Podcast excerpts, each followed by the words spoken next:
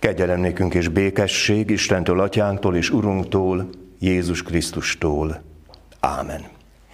Kedves testvérek, hallgassuk meg az igehirdetés alapigét az evangéliumból, János írása szerint, a 12. fejezet 20. versétől kezdődően. Így olvassuk. Néhány görög is volt azok között, akik fölmentek az ünnepre, hogy imádják az Istent. Ezek oda mentek Fülöphöz, aki a galileai Bécsajdából való volt, és ezzel a kéréssel fordultak hozzá. Uram, Jézust szeretnénk látni. Fülöp elment és szólt Andrásnak, András és Fülöp elment és szólt Jézusnak. Jézus így válaszolt nekik. Eljött az az óra, hogy megdicsőítessék az emberfia.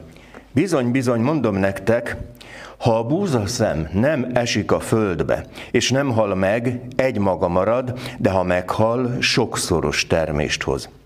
Aki szereti az életét, elveszti. Aki pedig gyűlöli az életét a világon, örök életre őrzi meg azt.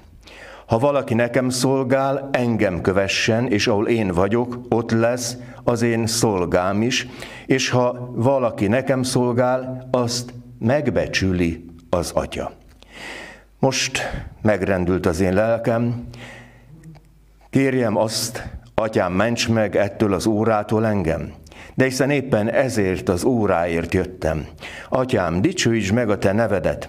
Erre hang hallatszott az égből.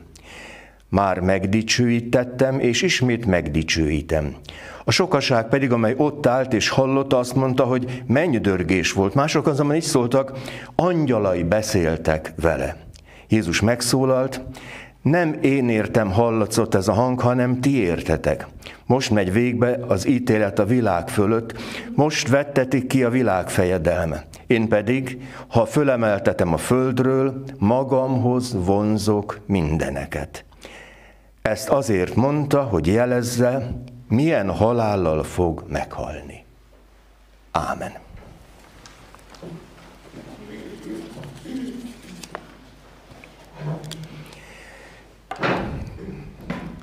Kedves testvérek, hadd avassak be mindenkit egy kis teológiai, liturgiai finomságokban. Nem tudom, hogy föltűnte, múlt vasárnap még zöld volt az oltárterítő, most fehér, mert hogy miért is? Azért, mert a karácsony időszak színe a fehér, Jézus születése, aztán azt ugye végigvettük, aztán jött a vízkereszt, az epifánia, Krisztus dicsősége megjelenik a világban, és aztán az ezutáni vasárnapokon próbáltuk megérteni, hogy, hogy mit is jelent ez a nagyszerű esemény, hogy, hogy megtartó született nektek a Dávid városában. Nos, valaki megszületett, valakit ünnepelünk, és a kérdés az az, mi lesz a folytatás? Most, ha megérjük, lesz még három vasárnapunk, ezt 70 60 50 vasárnapjának mondjuk, ez a farsangi időszak, és aztán innen fordulunk majd rá a bőti időszakra, úgy is mondhatám, hogy, hogy, hogy mélyre szállunk, hogy megértsük Krisztus titkát, hogy aztán majd nagy pénteken a, a, a gyászos dicsőségben értsük meg azt, hogy Jézus küldetése a halála volt, de egy lélegzetre mondjuk, de harmadik napon föltámadt. Nos, a kérdés az az, hogy ezt megértjük-e, értjük-e, akarjuk-e érteni, és hogy milyen következményei lesznek a mindennapokban. Mert ott dől ám minden. Az, hogy a mindennapokban hogyan élem meg a hitemet. És itt van ez a történetünk. Az az érdekes, itt most majd nyelvészkednünk kell egy kicsit, hogy görögök mennek az ünnepre, és akarják dicsőíteni Istent. Ebben mi az érdekes? Az, hogy ezek az emberek nem a választott néphez tartoznak. Egészen más vallási, filozófiai hagyományaik vannak. Valószínű, hogy a görög mitológián nőtek föl. A nyelvük is különbözők a zsidóiktól, zsidóktól, szóval egy csomó minden más, de de valami megmozdul a szívükben és a lelkükben. Az, hogy nekik nem elég Zeus meg Afrodite, ők a az élő Istent akarják imádni. És elmennek, és, és aztán ott vannak a tanítványok, és ez a kis görög társaság, azt mondja a János az evangéliumban, hogy néhány görög is volt azok között, akik fölmentek az ünnepre. Ezek oda mentek Fülöphöz, aki a Galilei Bécsajdából való volt, és ezzel a kéréssel fordultak hozzá, Uram, Jézus szeretnénk látni. Itt a Biblia fordítók meglehetősen nehéz helyzetben vannak, mert, mert annyi finomság van a magyarban is. Itt van a szemüvegem, látom. Milyen hatással van ez rám? Semmi különös, látom. Aztán, aztán megnézem. És amikor megnézem, akkor már azt is látom, hogy ennek van valami funkciója. És az eredeti görög szövegben még az is benne foglaltatik, hogy, hogy megnézni és megérteni, sőt, egyes fordítók szerint még az is benne van, hogy, hogy megnézni és megtérni. Tehát ezek nagyon komoly szándékkal mennek. És ők azok, akiknek nincs, ma úgy mondanak, teológiai előképzettségük. Ők jönnek más kultúrából, más nyelvvel, vágyal a szívükbe, és ez fontos. Na de hát szeretnénk Jézust. Látni, meglátni, megérteni, talán még megtérni is. És akkor egy érdekes riadólánc indul, azt mondja, hogy Fülöp elment, szólt Andrásnak, András és Fülöp elment, szólt Jézusnak, tehát, hogy, hogy valamit szervezkedtek, mert hogy lehet egy kétel volt a szívükben, hogy ezek nem provokálnak bennünket, nem cikizni jöttek. Hát elmennek Jézushoz, és Jézus, ha szabad így mondani, elmondja a programbeszédét, hogy kicsoda ő valójában. És azt mondja, bizony, bizony, mondom néktek, ha a búzaszám nem esik a földbe, és nem hal meg, egymaga marad, de ha meghal, sokszoros termést hoz. Ez az evangélium szíve közepe. Mert hogy mit gondolunk mi a boldogságról? Arról, hogy, hogy legyen siker, legyen pénz, legyen minden olyan, amitől azt hisszük, hogy komfortos lesz az életünk. És amikor Jézus elkezdi Máté-nál az evangéliumban a boldog mondásokat, mindent a feje tetejére, pontosabban a feje tetejéről a talpára állít. És boldognak mondja a szegényeket, a sírókat, azokat, akiket üldöznek Jézusért. Szóval, hogy is van ez? A világ észjárása az az, hogy boldog vagyok, ha komfortom van, hogyha a komfortzónámban meg vagyok, senki nem bánt, békén hagynak, megveszem az új autót, meg a még jobbat, meg a még újabbat, meg talán még egy nyaraló is belefér, meg ez, meg az, meg amaz, és aztán, aztán tényleg boldogok vagyunk? Csak csöndesen kérdezem, 10-15 mázsa vas boldogát tesz bennünket? Vagyok ebben nagyon biztos. Ezzel persze nem azt akarom, hogy akinek autója van, adja nagyon gyorsan, de egyáltalán az, hogy, hogy, hogy mi az, aminek úgy neki tudom vetni a hátamat, és azt mondom, hogy na, hát ezért ez mégiscsak valami. És kiderül, hogy igazából, és azt már Jobb könyvében olvassuk, Ószövetség, jó régi, amikor Jobb fölfedezi a sokféle gondjába, bajában, betegségében azt, hogy ki mondja azt a mondatot, amit gondolom, hogy hit nélkül is mindenki elfogadhat. Azt mondja Jobb, szeretetre van szüksége a szenvedőnek. Szeretetre van szüksége a szenvedőnek. Nem azt mondja, hogy jólétre, karrierre, sikerre, erre, arra, amarra. Szeretetre van szüksége a szenvedőnek. Az ember alapélménye, hogy örül, ha szeretik. Örül, ha szerethet. Egyet értünk? Ugye? Hát ez való a létezés alapja. Igen ám, de mikor szeretek én jól? Emlékszünk a, a népmesére, ugye a király meg a lánya, hogy hogy szeretnek, és ugye mind a cukrot, mint a sót, na hát aztán ebből lesz egy kis kalamajka, és kiderül, hogy kinek van igaza? Hát aki nem a cukrot preferálja, hanem a sót. Hát pedig sóval nem lehet nagyon táplálkozni. És mégis. A só az, ami ízt ad, az ételnek tartósít, egyáltalán szükségünk van rá, alapvető szükségletünk. Nos, az alapvető szükséglet ebben az értelemben mondjuk a szeretet. Na de hogyan szeretek én jól? Buksisimogatósan? Vagy egy kis ajándékozósan? Vagy csupa kedvességgel? Ezek se rosszak persze, de gondoljuk meg. Egy édesanyja hogyan szereti mondjuk a csecsemőjét? Hát persze, hogy megölelgeti, megpuszilgatja. És amikor a gyerek fölsírja, föl kell hozzá? Miért kell föl hozzá? Nem lesz prémium, külön juttatás. Föl kell, mert szereti, mert a bajában támasz akar lenni. És valahol itt van a szeretetnek a, az igazi lényege. Én akkor szeretlek téged, hogyha a gondodban is ö, támaszot szeretnék lenni.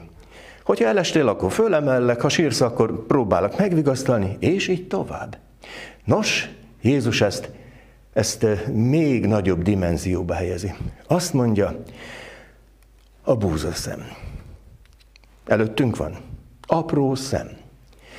Nagyon különös jószág biológiai értelemben, mert ha akarom, akkor tárgy, ugye? Hát egy darab ide teszem, oda teszem.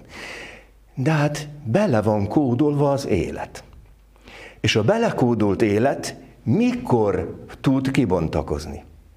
Akkor, amikor elvetjük. És gondoljuk meg, amit elvetettünk, attól egyszer mindenkorra búcsút is vehetünk. Azt az egyet már nem kapjuk vissza.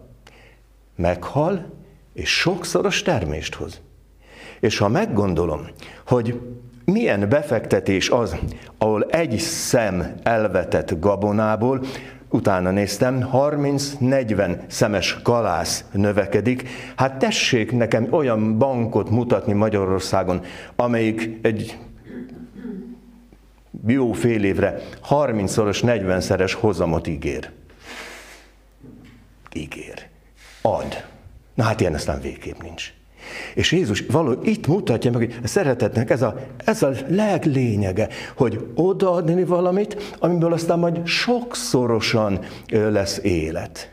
És az az egy szem, az ugyan odaveszik, de amikor jön az a, az a sok, abból már kenyér lesz, az éltetni fog, és aztán megy tovább ez az egész. És Jézus életének, halálának pontosan ez a titka. És ez nagyon furcsa, ez paradoxon, nem értjük egészen biztosan, hogy Jézus életének a célja a halála, meg a föltámadása. És ide sűríti be a görögöknek ezt az egész, egész gondolatrendszert. Ha egy maga marad, akkor semmit nem ér, ha meghal, sokszoros termést hoz. Aki szereti az életét elveszni, aki pedig gyűlöli az életét a világon, örök életre őrzi meg azt. Szeretni az életet. Ugye mondtam ez a boldogság dolgokat. Na, hát van egy történetem. Pécsi időszakomból való. A Pécsi központi temetőben van egy kápolna, egy nagy terem, két oldalfülke és egy, egy szabadtéri ravatalozó. Van úgy, hogy párhuzamosan megy öt temetés. És egyszer megyek, hát nekem olyan kis temetés volt, látom, csődület a, a nagy terem előtt. Bemegyek a kápolnasekre, és van, kit temetnek, hogy e, ilyen, ilyen nagy tömege nem is látta meg a temetőbe. És hát nem ismerte, hát nem ismerte. Mondják, ne, úgy se ismertem. Hát nem, nem tudom. Hát tessék elképzelni. Egy lottó most temettek. Nagy pénz ütötte a markát, uránbányász volt, a húzás utáni másnap, harmadnap, bement a munkahelyére, és mi volt az első dolga? Fölmondott. Már nem kell dolgozni. És, és aztán, aztán elkezdett nagy lábon élni, és érdekes, hogy A pénznek, meg a sok pénznek van egy különös tulajdonsága. Olyan, mint a mágnes. Vonza nem a barátokat, a haverokat. Vonza azokat, akik potyázhatnak. Nos, hát ez az ember arról híresült el, hogy a fél kertvárost itatta, és velük együtt ivott. Aztán belepusztult, fiatalon. Na most, hogy is van ez? Szóval, aki az életét meg akarja tartani, az el fogja veszíteni. Itt van. Számomra abszolút egyértelmű, ezt mondja Jézus. Na, és aki, aki meg azt mondja, hogy, hogy én nem ragaszkodom görcsösen az anyagi világhoz. Tehát, hogy, hogy van szabadságom arra, hogy, hogy ne pénzt hajtsak, hanem mondjuk zenét hallgassak, élvezze a képzőművészetet, akár csináljam is, hogy, hogy ne egy ilyen, hogy mondjam, pénzkényszer alatt legyek. Zárójelben mondom, hogy az összes hittanos gyerekemet arra tanítom, hogy szeressék a pénzt. Mert miért is? Ezt szoktam mondani, ha szereted a pénzt, akkor az édesapád, édesanyád munkáját becsülöd meg. Vagy majd, amikor te keresel pénzt, a magad munkáját. Ebből öltözködünk, eszünk, iszunk, tehát becsüljük meg. De ne legyünk a, a rabjai, a nyomás alatt. Na, azt mondja Jézus, hogy ez lesz majd az ember igazi szabadsága. És a Jézus követés, mert itt aztán erről is lesz szó, azt mondja, hogy a Jézus követés az, az nem kényszer. Az a legnagyobb szabadság. Jézust követni, az azt jelenti, hogy, hogy perspektívában látom az életemet. Ezért gondoljuk végig, hogy mondjuk egy pénzügyi befektetést kitalálunk. Öt év, tíz év, ezzel a hozammal, azzal a hozammal. Hát Jézus nem ilyen öt éves terveket, megegyebeket vázol föl előttünk, hanem azt mondja, hogy az örök élet. Tehát, hogy az Isten szeretetében elrejtetnek lenni. És ez valami hallatlan nagy magabiztosságot ad. Tudom, hogy vagyok valakié. Hogy benne vagyok az Isten végtelen szeretetében.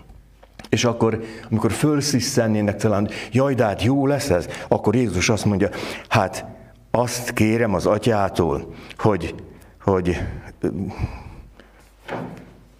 hogy megrendül, hogy, hogy, hogy ments meg ettől az órától engem. Hát nem, hát ezért jöttem. És ez lesz az az óra, a megváltásnak a, a kicsúcsosodása, kiteljesedése, ami emberileg nézve valami botrányosan gyalázatos.